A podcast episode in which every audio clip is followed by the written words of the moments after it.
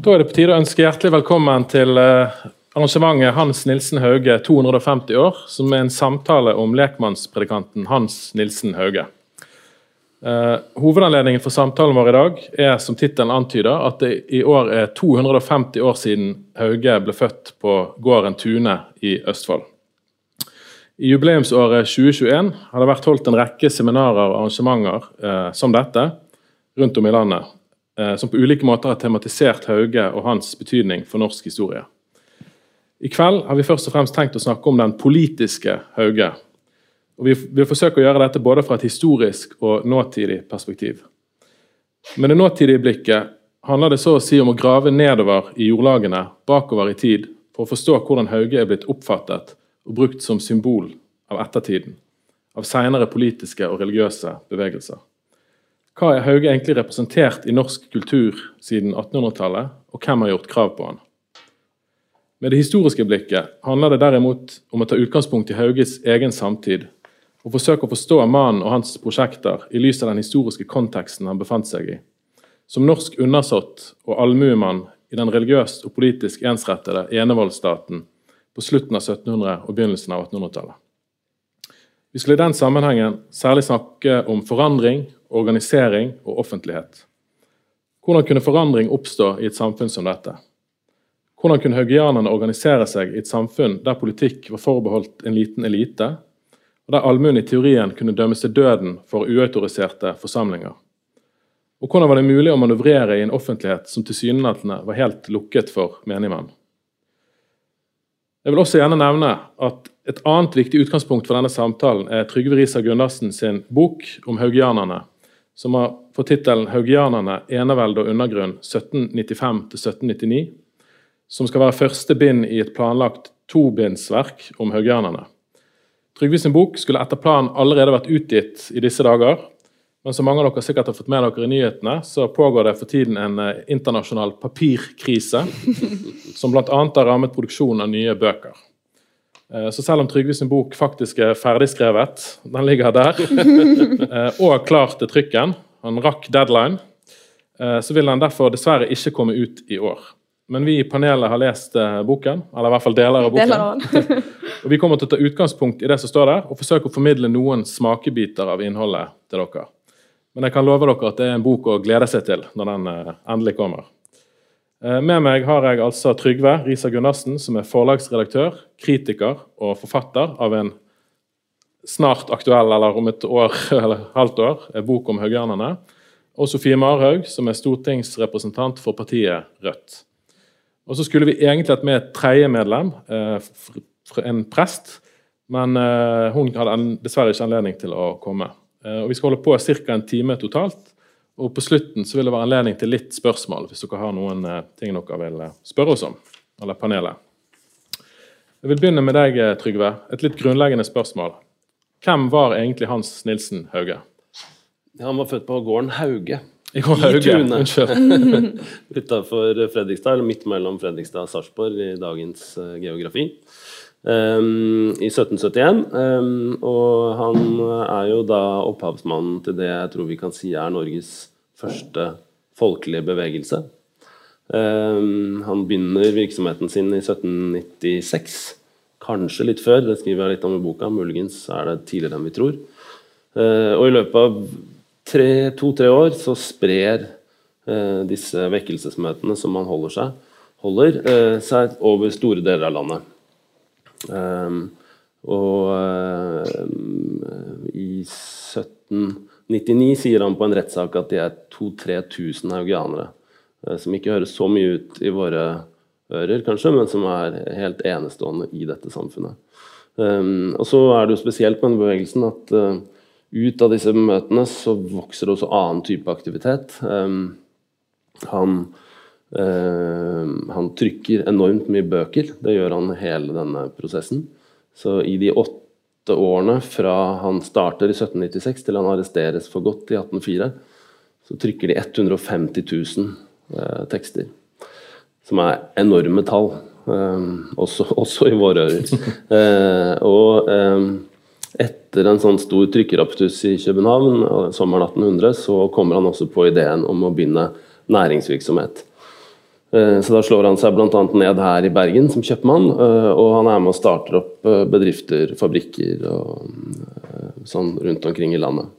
Og så får alt dette egentlig i første gang en brå slutt med arresten i 1804. Så sitter han fengsla i ti, eller Rettsprosessen pågår i ti år. Så først eh, rundt nyttår 1815, eller romjula 1814, så faller den endelige dommen. Uh, og dømmes han til slutt en mindre bot for brudd på konventikkelplakaten, som regulerte liksom, ulovlig forkynnelse.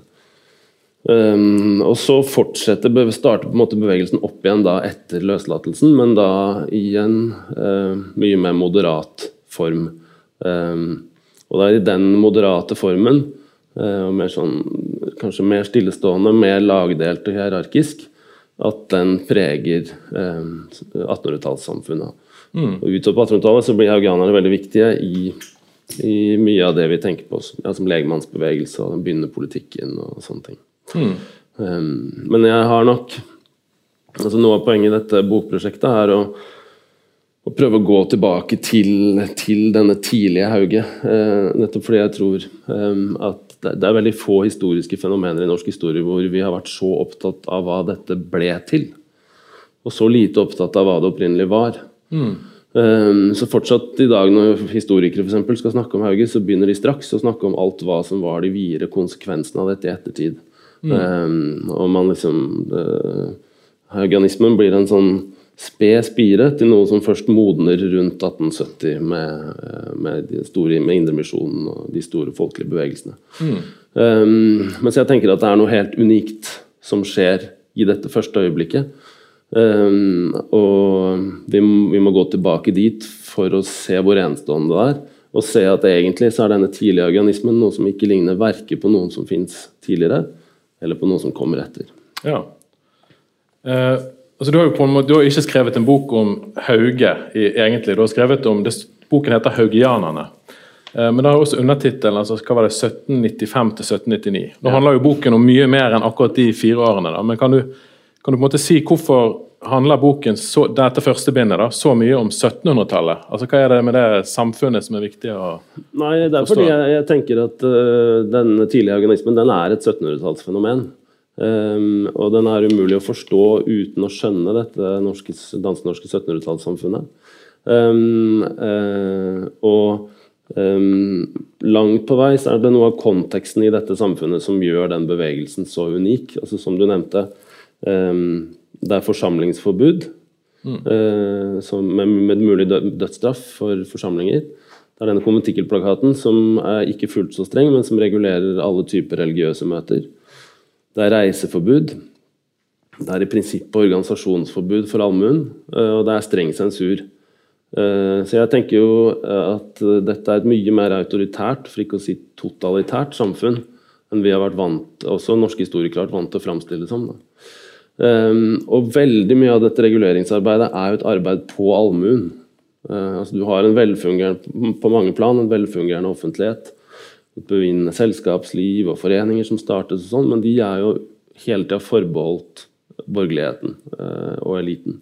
Mm. Um, så det at det skal oppstå en folkelig bevegelse som dette i et sånt samfunn, det er nesten umulig å forstå. Og så mye av dette samfunnet er innrettet for å hindre en sånn type politisk prosess. Mm. Og likevel oppstår det. Eh, så, så, prosjektet har prøvd å gå tilbake og se hvordan kan en sånn forandring oppstå. Eh, hvordan kan noe så uventet eh, ta form. og da blir det også viktig å prøve å, egentlig få etablert og presentert dette samfunnet Eh, det er blitt en, en tjukk bok. og det var rett og slett ble sånn fordi jeg, når jeg begynte å skrive og følge det kronologisk så presist som mulig, så ser jeg liksom at alle trådene jeg drar i, så dukker det opp ting jeg ikke visste om. Mm. Uh, selv om jeg hadde jobba med, perioden veldig lenge. Og ting jeg ikke helt hadde sett før nå, hvilken åpenbar relevans og konsekvens det har for uh, denne bevegelsen. Mm. Det er også gøy. Du skal skrive om haugianismen. De er overalt. De reiser. Uh, de finner på de rareste ting. De er i København og trykker bøker. De er i, i de Hauge bor hos samene i Tromsø. Eh, det er liksom sånn action, action norske actionhelter. um, og i deres historie, så forteller du den, så kan du også fortelle om fengselsvesen og uh, veinett og kommunikasjon og offentlighetshistorie. Mm. Byenes historie, Bergens historie. Uh, så det faller seg liksom ut et sånt stort stoff. Um, og først når du får plassert denne helheten, tenker jeg, først da kan vi skjønne hva dette opprinnelig var. Mm. Og først når vi vet hva det var, kan vi også uttale oss egentlig presist om den utviklingen som følger utover på 1800-tallet. Mm. Eh, vi skal komme tilbake til mye av det du har vært inne på nå med offentlighet og andre ting, men jeg har lyst til å begynne litt med det som du sa med at altså, I og med at din bok handler litt om å gå tilbake igjen til Hauge sånn han fremsto for samtiden, mm. eh, og forstå det samfunnet. Men han har jo hatt en viktig funksjon i norsk eh, kultur, i norsk offentlighet, i norsk skole. Standard mange lærebøker så er det dette Tidemann sitt bilde av Hauge med. Så Jeg har lyst til å begynne litt i den enden først og snakke om på en måte ettertidens bilde av Hauge. Og Da tenkte jeg kanskje å begynne med Sofie, eh, som, eh, som, representerer et parti i Rødt, som er på en måte på venstresiden i norsk politikk. Eh, hva representerer Hauge og haugianerne for deg, og hva vil du si at han har betydd for den norske venstresiden, sånn historisk sett? Ja, eh, jeg takket jo ja til å sitte i denne samtalen, selv om jeg ikke er noen Hauge-ekspert. Og det handler jo nettopp om at eh, venstresiden eh, i hvert fall tidvis har prøvd å ta Hans Nilsen Hauge til inntekt for sitt politiske prosjekt. Eh, og det, det, interesserer meg eh, jo. Eh, og jeg tenkte at jeg, må, jeg må lære mer om Hauge og sånn. da. Men mitt, mitt inntrykk av Hans Nilsen Hauge er jo som mange andre at jeg har hatt, hatt han på pens, eller hatt litt om han i, i norskundervisningen på skolen. og ja, Litt sånn overfladisk. Han var viktig for nasjonsbygging osv. Men for venstresiden så tror jeg at hans Nilsen Hauge og haugianerne da, har vært eh, viktig for å liksom eh, eh, finne en eh, radikal venstresidetradisjon i Norge. Eh, at eh, hvis du skal på en måte bygge en bevegelse som skal få feste i, i dine, ditt eget uh, hjemland, så trenger du ikke bare utopier i framtiden, ikke bare liksom snakk om in, altså, uh, utopier andre steder i verden, men du trenger òg uh, en tradisjon og en forankring i, her hjemme, liksom. Og da ser jeg liksom på Hans Nilsen Hauge litt som en sånn rot for norsk venstreside, og så kan det jo liksom kommer mange greiner, og, og, man kan se mange andre retninger og sånn òg. Men eh, jeg tenker at eh, haugianerne er en sånn tradisjon Eller eh, er en del av den tradisjonen som venstresiden kan eh, vise til da, for, å, for å etablere sin egen historie og fortelling om eh, eh, ja, nordmenn òg, da, som, eh, som eh, vanlige folk, som er det vi bruker i dag, da. Men ja, småkårsfolk, ja, en sånn demokratisk ånd nedenfra og opp, som det har representert mm. for venstresiden. Mm. Glir han sømløst inn i en sånn fortelling, tenker du, eller er det noen skarpe kanter som ikke passer helt? Er det, en, er det liksom en, en enkel. Altså, det er jo litt vanskelig å Tilsynelatende vært litt vanskelig å skulle overbevise om at uh, en sånn uh, veldig pietistisk kristen skikkelse tilhører venstresiden, da.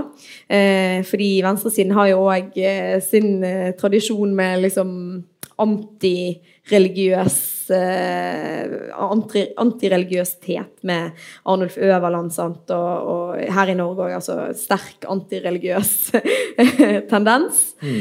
Eh, så det er jo et, et pedagogisk problem, kan du mm. si. Men eh, jeg tenker som så at eh, hvert fall, eller jeg ønsker at venstresiden skal være eh, litt bredere. Ikke nødvendigvis liksom mer kompromiss løs i sak, men eh, mer eh, inkluderende eh, som bevegelse. Da. Og da eh, kan det være fint å finne fram de tingene i den eh, kristne mm, tradisjonen som òg handler om likhet og rettferdighet som jeg i aller høyeste grad mener eh, Hauge var opptatt av, og som egentlig er ja, overraskende radikalt eh, i, i, samtiden, i hvert fall. Uten at jeg kjenner 1700-tallet så godt. Men òg i vår tid. Sant? At, mm. Eh, ja.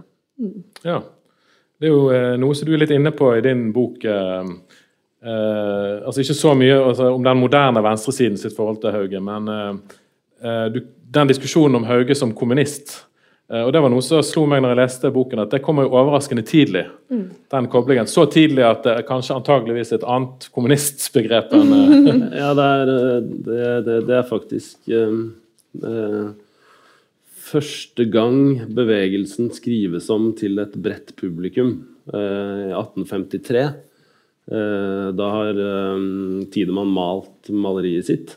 I 1848 i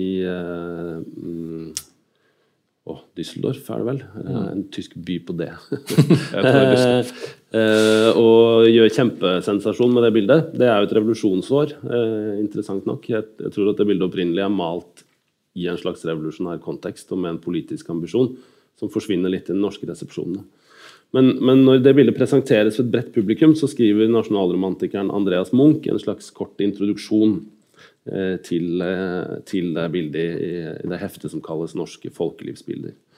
Eh, og Der kaller han Hauge kommunist. Eller han sier han er med et moderne begrep en kommunist. Mm. Eh, og kommunistbegrepet det brukes første gang altså eh, Første gang noen folk kaller seg kommunister, er i 1830 i Paris. Og Manifestet er jo 1848. Og første gang det brukes på norsk, er antageligvis i 1848. Så så um, det, da sperret jeg øynene opp når jeg fant det. Um, mm. Jeg tror det er riktig å si at, at uh, uh, Igjen, hvis vi skal prøve å gå tilbake til 1700-talls altså selve utgangspunktet, så er jo det et samfunn hvor det politiske betyr noe helt annet enn det gjør nå. Også hvor det betyr noe, betyr noe helt annet enn det gjorde i 1850. Mm. Uh, og ikke minst et samfunn hvor religion og makt er enormt tett sammenvevd. Um, sånn at det religiøse opprøret som haugianerne setter i sving, ikke kan unngå også å være politisk. Um, og så er det sånn at uh, jeg tenker at det pågår en kamp egentlig utover på 1800-tallet om Hauges ettermæle, om haugianernes ettermæle.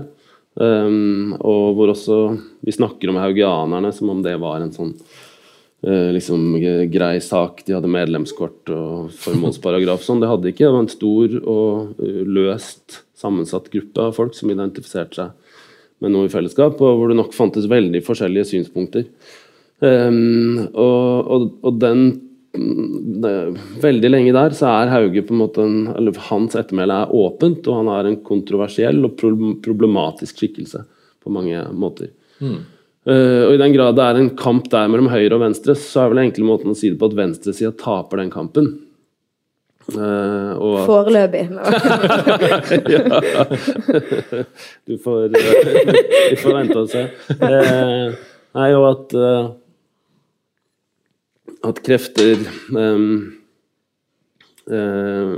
Krefter i Den norske kirke, um, i en situasjon hvor du har egentlig også en veldig politisk spenning i det norske kirkelige miljøet fra 1850 og framover, Eh, det har kommet nye lover som gjør at statskirka ikke lenger er så selvfølgelig. Du får uh, frikirker som kommer inn, vekkelser med mormoner og baptister. Og veldig urolig religiøs situasjon som egentlig foregriper mye av den politiske uroen som kommer rundt innføringen av parlamentarismen. Og da blir det å kapre Hauge utrolig viktig. Um, og det er en slags politisk kamp egentlig om å, om å få lov til å være den som bestemmer hans ettermæle.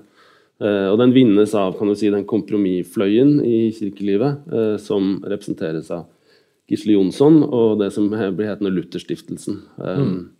Som er egentlig en slags pres, presteledet uh, indremisjonsbevegelse. Uh, som siden blir til det vi kjenner som indremisjonen i dag.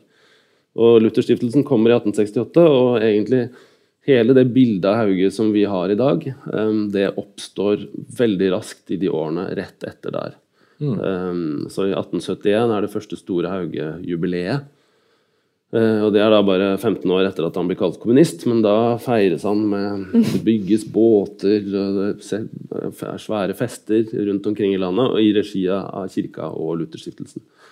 Um, og, og, i 1874 kommer den første store Hauge-biografien. Mm. Og egentlig har alle i prinsippet skrevet av den siden. Og Det er også skrevet av en mann som er andre, Anton Christian Bang, som er tett til Gisle Jonsson, og tett til Lutherstiftelsen. Mm. Så det er et slags kupp der eh, som, som, langt på vei bestemmer fortsatt også egentlig de radikale Når Mimir mm. Kristiansson skriver om Hauge, han prøvde jo å skrive om kronikk om Hauge i Vårt Land, mm. så er det egentlig fortsatt Bangs Hauge han forholder seg til. Mm. Hvis jeg skulle gitt et råd, så ville jeg jo gått, gått bak. i kilden. ja, til Fontes, liksom. Nei, fordi det, man må, altså jeg tenker det, det fascinerende her um, er egentlig å komme bak noen av de, de, kategoriene og motsetningene som vi er vant til å tenke med historisk. Mm. Uh, og når vi kommer ut her på 1700-tallet, så kommer vi ut i et landskap som, som, hvor de politiske kategoriene er så forskjellige. Mm. Men bare til det, også fordi jeg òg eh, liksom sperret eh, øynene opp da jeg leste om Andreas Munch eh, sin beskrivelse av Hauge. du skriver jo òg, av det jeg har lest, da, litt sånn Du snakket om at det var så mye som åpenbarte seg. Du skriver jo litt sånn detektivaktig, mm, mm. så det smitter over på leserne òg, da. Eh, men eh, altså når eh, Marx og Engels eh, skriver det kommunistiske manifest, så velger jo de bevisst òg eh, kommunisme og kommunismens spøkelse, fordi det var det mest skandaliserte begrepet mm. Eh, i samtiden. Og det kan du jo på en måte si og det, det, trenger ikke å ha så mye med Hauge å gjøre, da, men dette, det er litt, kanskje det som skjer. Og hvis du sier det som ville være dagens eller muligens dagens uh, motsvar på det er jo populist. Mm. Å ta et sånn uh, skandalisert begrep og kalle Hauge for uh, kristenpopulist, da, mm. som ble forsøkt. og det er jo sånn mer et retorisk grep enn um, enn om det liksom er, his det er historisk korrekt, er det nok ikke. Det tror jeg. Nei, det har, det har, også blitt prøvd, da. Ja. Hartvig Sætra kaller i sin bok om populisme på norsk mm. at ikke 18, men 1973. Ja. Der starter han med Hauge. Mm. Så i den grad venstresida liksom har prøvd å kapre Hauge, mm. så er det en sånn haugianismen og kan du si legmannsbevegelsen som en mm. sånn populistisk tradisjon. Men jeg tror kanskje Jeg, jeg ville egentlig tenkt eh, at det, som sagt, det fruktbare er å gå til kildene og, og, og gå ned i den politiske kulturen som haugianismen er et uttrykk for. Mm. Um, for det, det, er også på en måte en, et sentralt premiss i boka mi. At uh, hvis du skal prøve å i, i, denne mm, oppkomsten av noe litt sånn uforståelig da, som dette er, uh, så er det, skyldes det Hauges karisma, det skyldes uh, smartness og improvisasjon og kreativitet fra alle disse allmuefolka som egentlig skaper noe sånn desentralisert uh, spontant rundt omkring i landet. Mm. Uh, det er tilfeldigheter, det er en splittet og litt usikker stat som på ene siden er streng, men på andre siden også har vansker med å gjennomføre forbudene sine. Mm. Alt dette er med å forklare at det kan skje. Men den hovedgrunnen tenker jeg, er at, at, vekkelsen spiller på og trekker på en politisk kultur som allerede er der. Eh, en politisk kommunikasjon og en politisk kultur. Um, så Det er liksom en slags hovedtese i boka at um, heller enn å forstå altså Vanlig har vært å forstå haugianismen i lys av indremisjonsbevegelsen 100 år seinere. Jeg tenker at vi må forstå haugianismen i lys av si, den politiske tradisjonen i allmuen i Norge på 1700-tallet.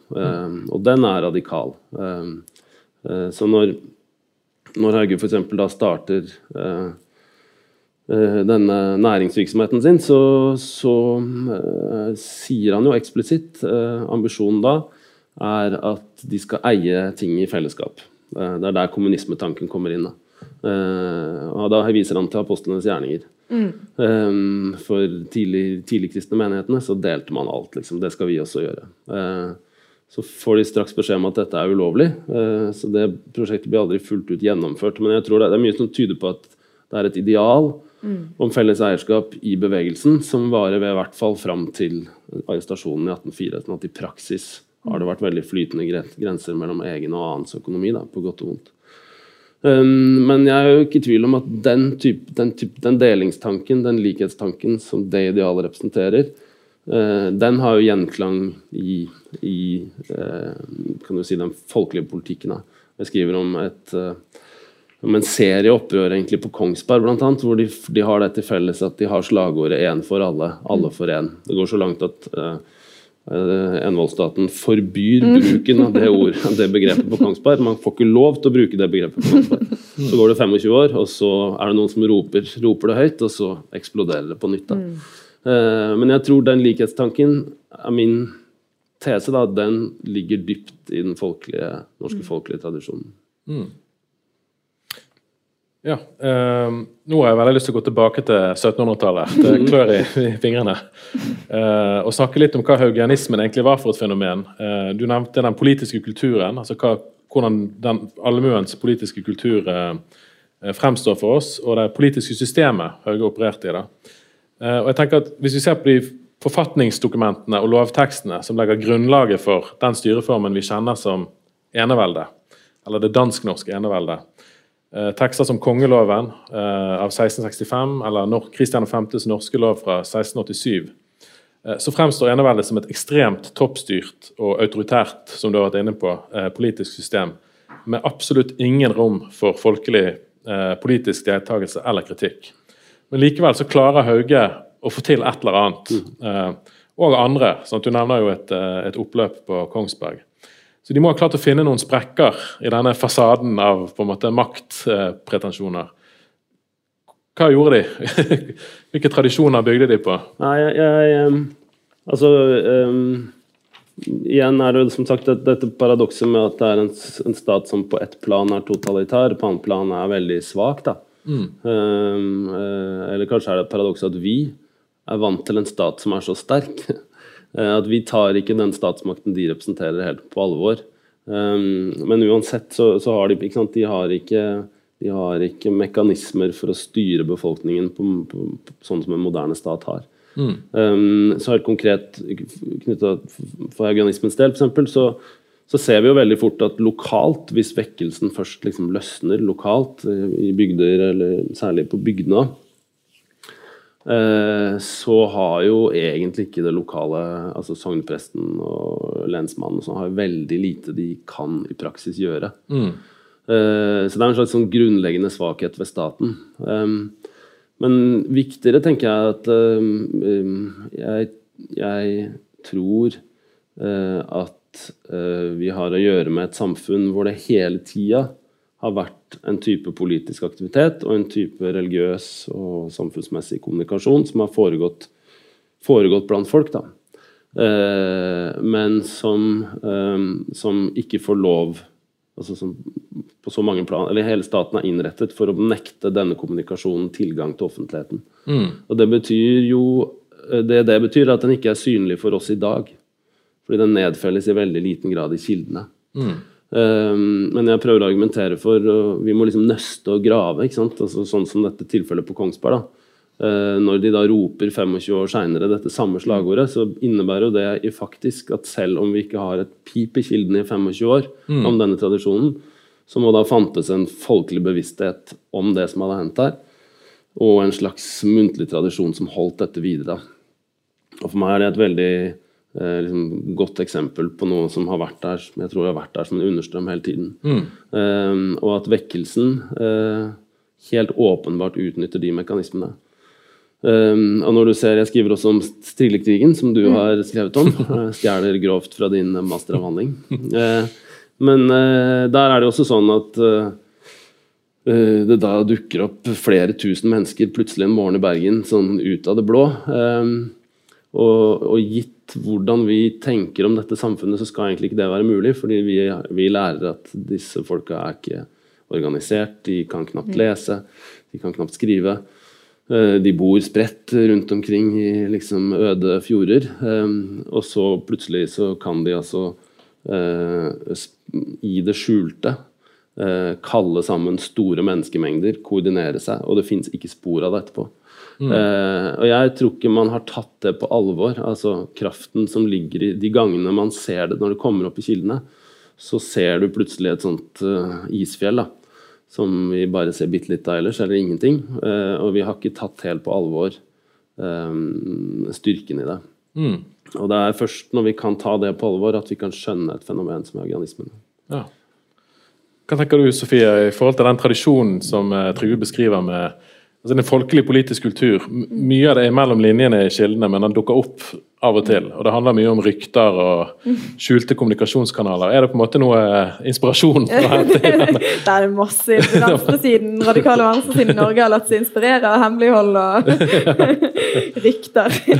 Nei, men eh, jeg eh, Altså, det som slår meg, at det blir jo vanskeligere å liksom avfeie Hauge som eh, på en måte en, en, Selv om han beskriver seg sjøl som på en måte ustudert, så eh, er jo, eh, som du sa, veldig mye eh, Blir jo skriftkultur og, og deles, og du, på en måte, det skjer jo noe der. Eller det blir jo en eh, skriftliggjøring av de folkelige tendensene som du beskriver. da. Um, så det er jo veldig interessant uh, i seg sjøl, syns jeg, uh, når jeg bare hører, hører om de her uh, bevegelsene. Men en ting som jeg lurte litt på, og da beveger, det er ikke meningen å bevege meg altfor langt vekk fra 1700-tallet, men eh, når Hauge liksom modererer seg, eller liksom når han er ferdig med fengselsoppholdet liksom, og Dette er jo litt spekulativt, men hvor mye av det er liksom ektefølt? og hvor mye av det er liksom tilpasning til sensur og eh, Har du noen tanker om det? Sånn, Det er utrolig vanskelig, og det kan vi ikke si sikkert. da. Nei. Men jeg tenker jo det i forhold til spørsmålet om hvordan um, Hauge har blitt fortolket, så, så er det ikke tvil om at man um, Veldig mye av de fortolkningene vi har, og veldig mye av det som feires nå i forbindelse med jubileet, f.eks., uh, baserer seg jo på synspunkter som, uh, som haugianerne og Hauge kom fram til seint. Eh, og det kan godt hende de kom, ville kommet fram til de synspunktene uansett, men jeg syns jo generelt at eh, man tar altfor lite høyde for at dette er en bevegelse og en person som har vært utsatt for forfølgelse på et nivå som egentlig nesten ingen andre i det dansk-norske samfunnet på det tidspunktet. Eh, Hauge satt Altså prosessen pågikk i ti år.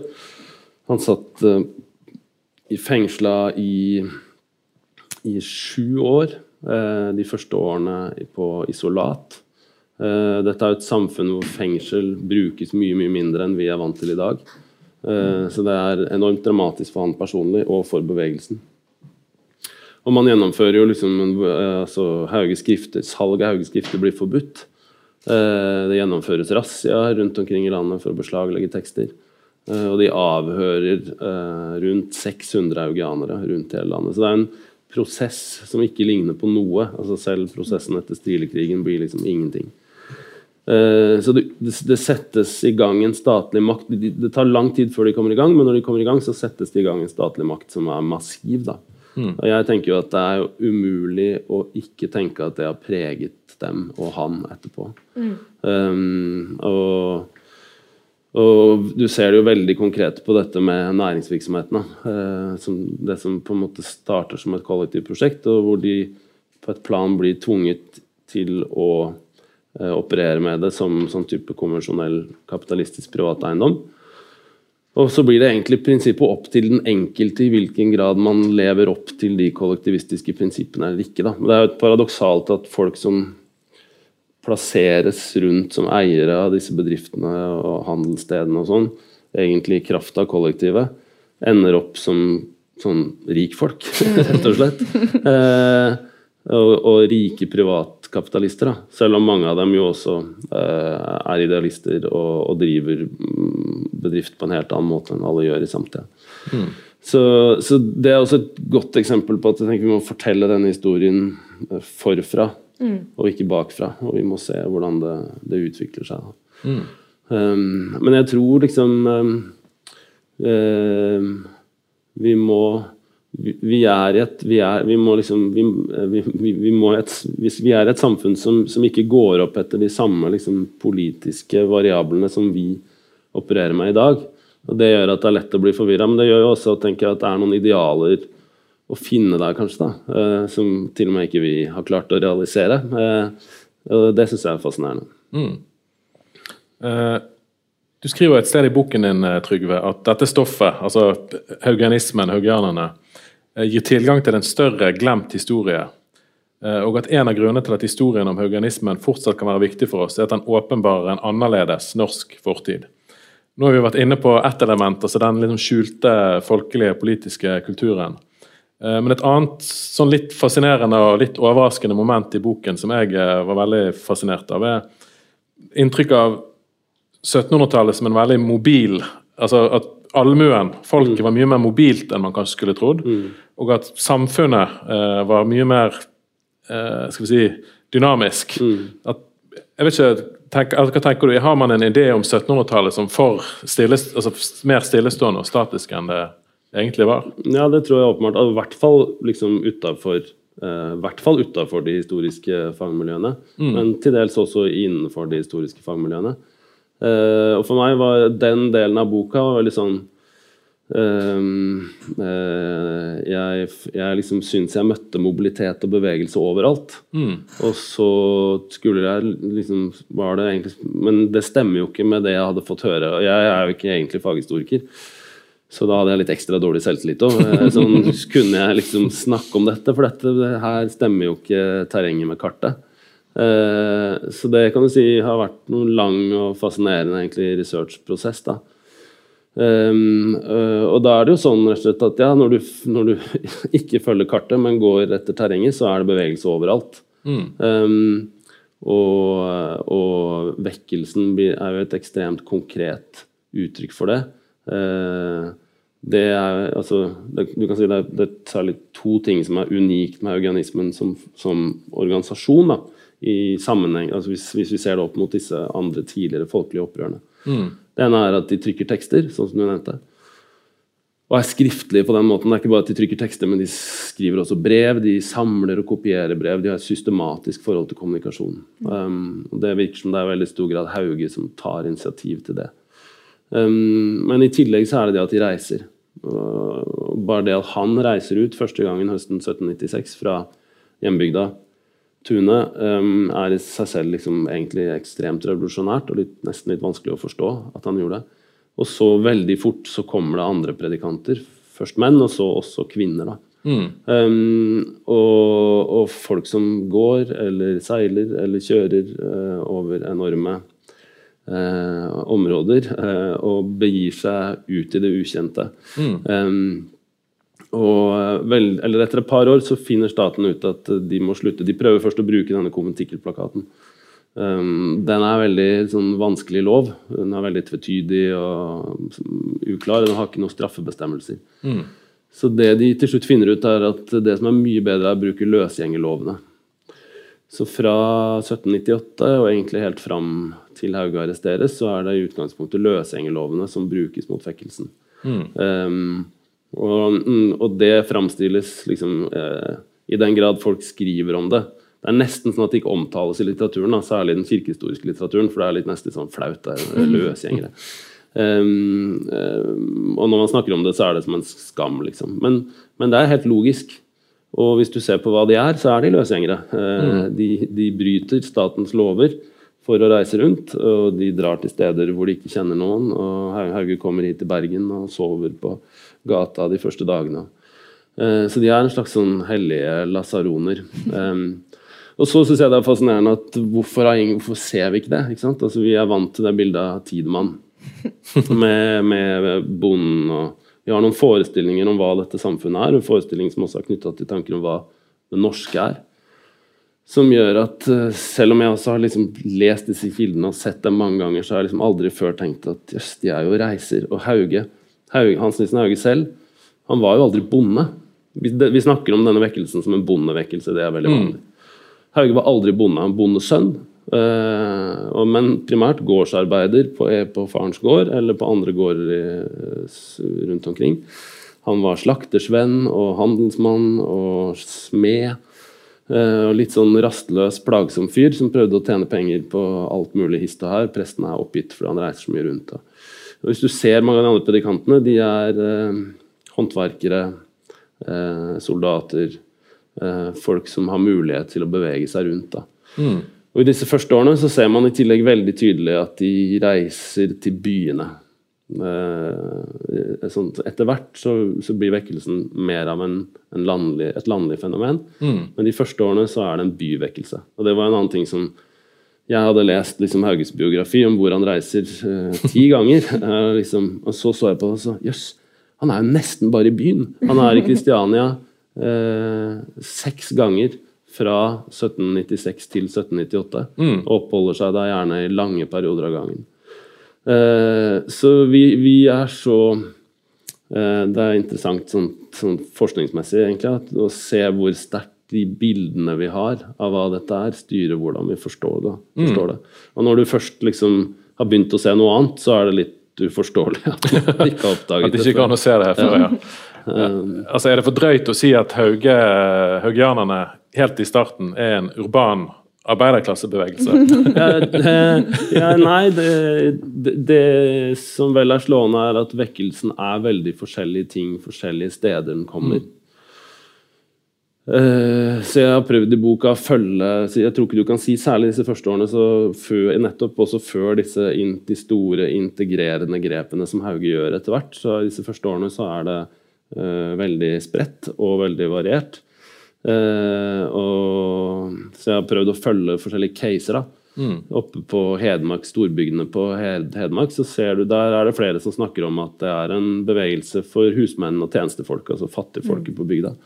Uh, mens andre steder uh, så ser du at det er storbønder og sånn som tar initiativ. Um, men det er tydelig at det er slående at tunet der Hauge vokser opp, er kanskje en av de mest industrialiserte landsognene i Norge på det tidspunktet. Mm. Med rett ved de store sagverkene i, eh, i det som nå er Sarpsborg. Hafslund og Borregaard. Og... Så Det er liksom et nord... Igjen, det er som ingen har tenkt på dette, Nord-Europas største sagverk ligger liksom et mm. steinkast fra der han vokser opp. Det er en, en, en bygd med pengeøkonomi, med fullt av eh, arbeidere der begynner vekkelsen. Og det neste stedet hvor det slår seg opp stort, det er i Eiker, som også er en sånn langs Drammenselva, som er industrialisert. Mm. Og I Oslo eller Kristiania så blir det veldig tydelig at det er en arbeiderbevegelse. Um, for der, der, er han i forstedene og sier selv at det er de arbeidende klasser som, som slutter seg til han de første årene. Mens her i Bergen, derimot mm. uh, Det blir borgerlig med en gang? Ja. Nei, men der er det mer et sånt Eh, det blir ikke så stort i Bergen, mm. men det blir, veldig, det blir, en veldig viktig sted for den haugianske vekkelsen.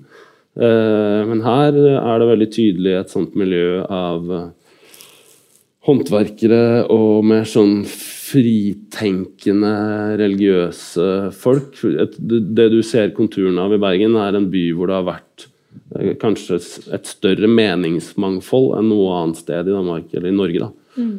Og hvor haugianismen liksom trer inn i det eh, og får borgerlige allierte, bl.a. en veldig rik enke ute på Nordnes som kaster penger etter han. Eh, men også håndverkere og sånne ting. Mm. Eh, så haugianervekkelsen i Bergen blir noe litt annet enn andre steder. Og, og, sånn kan man egentlig følge det fra sted til sted. Mm. Vi skal komme litt tilbake til Bergen etter hvert, men jeg lurte litt på for at eh, mange har nok hørt om at kvinnene hadde en spesiell rolle, og at det var noe nytt med Hauge-bevegelsen. At han eh, lot, altså slapp til kvinner som ledere eh, og som forkynnere. Er, er Hauge, Sofie, haugianerne en en feministisk bevegelse. Jeg tror være neste på listen. sant? At han var både liksom radikal sosialist eller kommunist og feminist. Nei, men eh, det har jo det bare jeg har merket meg at særlig i sommer så var jo det en eh, debatt i Klassekampen eh, mellom en historiker da, og en, en feminist om om det går an å kalle haugianerne for kvinnesaksforkjempere eller feminister. og Begge deler er jo sikkert eh, anakronistisk, sant? altså begreper som ikke eksisterte eh, den gangen. da. Eh, men det er jo likevel interessant, og det som gjerne blir trukket fram, er jo at eh, eh, Hauge ikke mener at det, Paulus skriver om at kvinner ikke skal tale i forsamling, bare Det, det stemmer ikke. og det er jo eh, Kan jo passe med det som du beskriver her, eh, med at eh, det var en veldig inkluderende på en måte, eller allsidig eh, bevegelse. Og det er jo en måte å gjøre seg større på. Det er å tillate mange forskjellige grupper, eh, så lenge man kan enes om ja, eh, det felles, det kristne kjærlighetsbudskapet, da, som det sikkert ja, som det er. da. Eh, og det er jo eh, kristendommens radikalitet, og for så vidt òg eh, en del av Hauge-bevegelsens radikalitet. Men, men, det er jo klart at det er jo utrolig radikalt å slippe damer til på den måten. og Eh, jeg syns gjerne man skal ta det til inntekt for det òg, jeg. Mm. Unnskyld. Hosting. Men nei, ja, altså I og for seg er dette med kvinne, eh, kvinnenes rolle hos haugianerne Det er jo for seg også kunne vært et eksempel liksom, på venstresidas blindhet overfor den tradisjonen. Mm. Eh, fordi jeg er ikke i tvil om at de da, jeg, og særlig i perioden før han blir arrestert, så spiller eh, kvinnene en enormt viktig rolle. Eh, Uh, og Det er også en av de tingene som blir fullstendig fortrengt i den kirkehistoriske tradisjonen seinere. Så Bang, som skriver denne store biografien, han, han er liksom uh, Det er en, det er en helgentekst, egentlig, om Hauge. Mm. Men Bang sier det var liksom én feil Hauge gjorde. Én feil! Uh, en, en uheldig utvekst som i dag er liksom klippet av. Og det var at han slapp til kvinner som forkynnere. Det var 50 av befolkningen. men, men um, jeg tror jo ikke sant, Men det er først egentlig på 70-tallet. Uh, og da uh, kvinnelige teologer som er de mm. første som begynner å skrive om dette i norsk sammenheng. Det er ikke historikere. Og det er ikke den norske venstresida eller kvinnebevegelsen.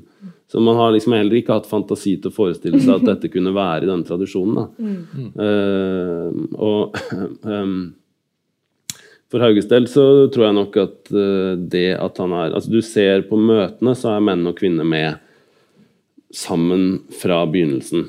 Uh, det var en av de tingene som er forbudt. Det, det, står veldig tydelig i konventikkelplakaten at menn og kvinner kan ikke forsamles sammen. Men på andagsmøtene er de med fra, fra, helt fra starten.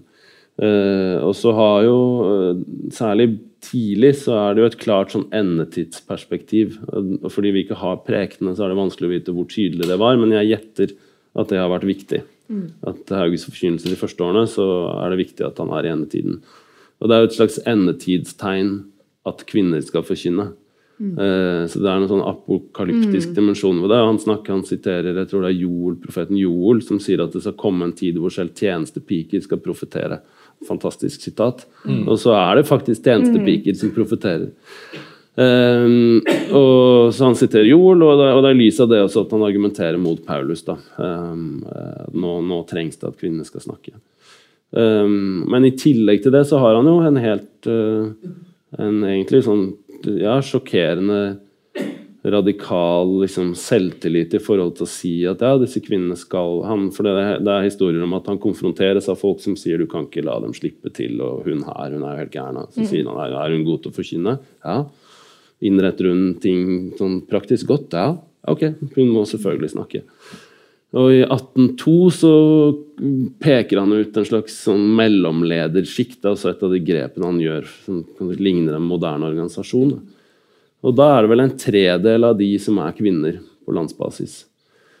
Eh, og Da er det jo ikke lenger bare kvinner som skal forkynne, men faktisk mm. kvinner som skal lede den lokale vekkelsen. Mm. Eh, og være autoritetsfigurer over menn i mm. de lokale forsamlingene. Eh, og det er jo sterkt, ja. Mm. Mm. Og en av de tingene som de sånn sett egentlig ikke fortsetter med mm. etter at han kommer ut av fengsel, eh, som sier noe om hvordan bevegelsen tilpasser seg kan du si, borgerlige idealer. Mm. Uh, dette er jo et radikalt eh, element hos Hauge, på en måte. Altså, Det fremstår som eh, radikalt i samtiden. Men man kan jo kanskje argumentere for at det finnes eldre tradisjoner, religiøse tradisjoner som er vel så mm. Eh, radikale. Da. da tenkte jeg kanskje vi skulle litt tilbake til Bergen på, mm. på 1700-tallet. for det eh, altså Den byen han kommer til, hvis vi ser på det religiøse eh, mangfoldet som du var inne på, hva er det, hva er det vi snakker om da? Hva er religionsbyen Bergen på 1700-tallet?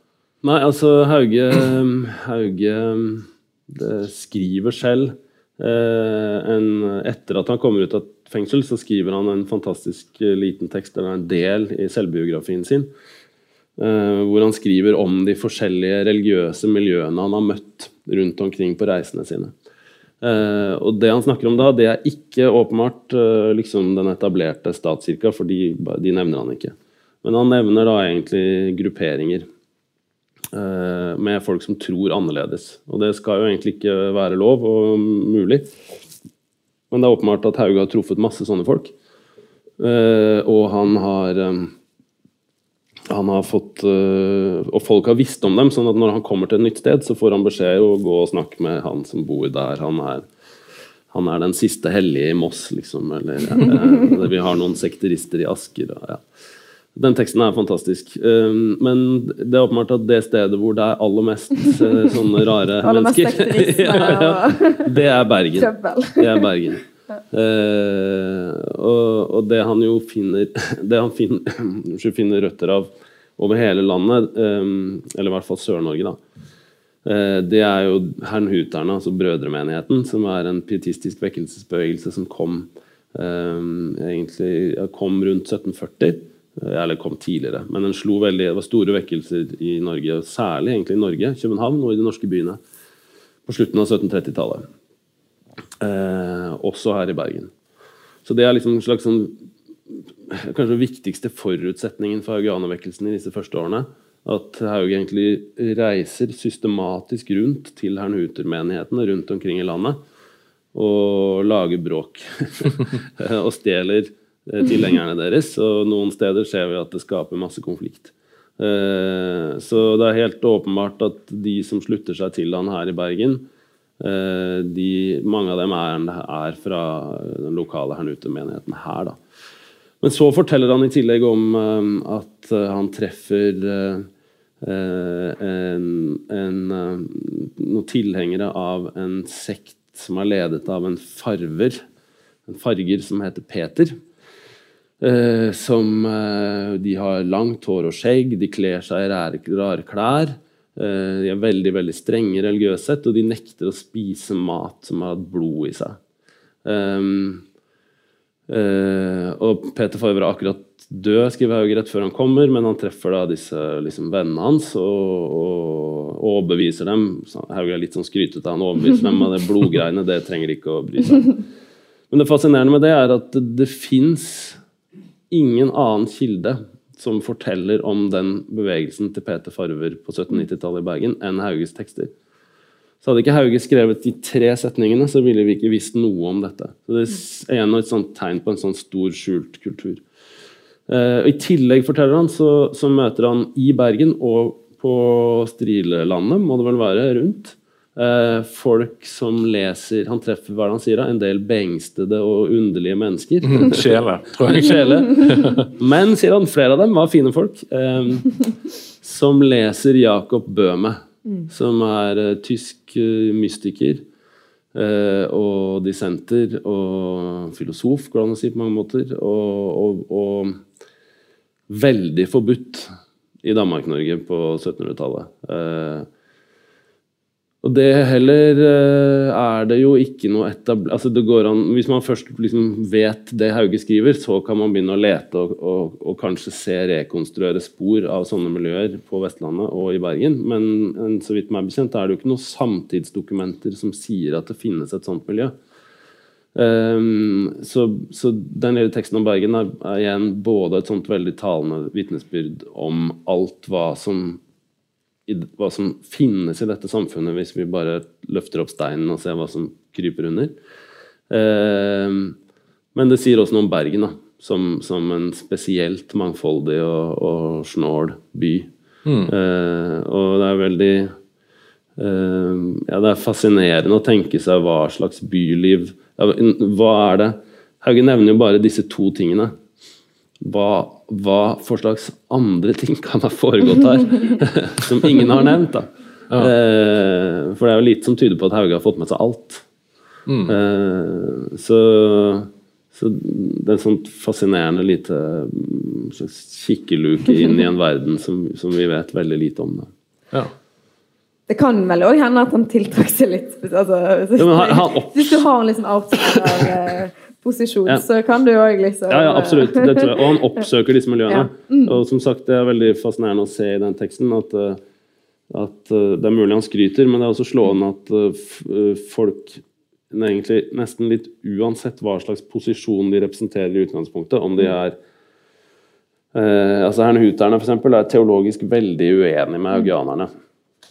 Likevel så er det åpenbart ikke noe Likevel så er det dem han rekrutterer mest fra. Mm. Eh, og selv disse Peter Farver-disiplene med sin liksom spesielle apostoliske kristendom er åpenbart liksom til, De også kan være tiltrukket av Hauge. Så det er veldig åpenbart at uh, det bare uh, Ja, det å være forskjellig I hvert fall det jeg gjetter, da. Mm. Det å være forskjellig og det å, å, å, å, velge å være annerledes i dette samfunnet har hatt en spesiell betydning. Uh, og at Hauge har appellert til de Både aktivt har opp, oppsøkt de miljøene mm. og har appellert til de miljøene. Men dette er også sånn som nesten ikke har vært skrevet om. og som ikke er en del av det som er den vanlige kulturhistoriske framstillingen av, av, Norge i denne perioden. Nå har jo du forsket på det. Du må nesten, mm. du må nesten vil, du, vil, du, bare spørre, eller vil du fortelle? Eh, jeg kan spørre deg. jeg kan jo fortelle litt, da. Uh, at uh, jeg ble jo ansporet av Trygve sitt prosjekt og bok til å du nevner jo Peder Farver, da, som mm. Hauge nevner. til å grave litt i de bergenske kildene.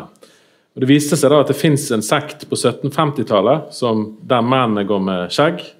De spiser ikke mat som har vært i kontakt med dyreblod. Uh, og de går også med sko med remmer istedenfor uh, bøyler. Ja, for det sier de også om Peter Farver. Ja, det nevner de også om ja. Peter Farver. Da. Og, da følger de en urmaker, eller student, senere urmaker, som heter ja, uh, Johan Hillefelt. Uh, så Det er jo ikke 100% sikkert, men det er mye som tyder på at dette da er en sekt som har i hvert fall altså som går 50 år tilbake da, før Hauge kommer. Og jeg syns det er helt sånn Når du fant dette, og heldigvis i tide til at jeg kunne få det med i boka, eh, så er det helt svimlende at du egentlig har hvis, hvis, det er sannsynlig å tenke, tenker jeg også at det er samme tradisjon.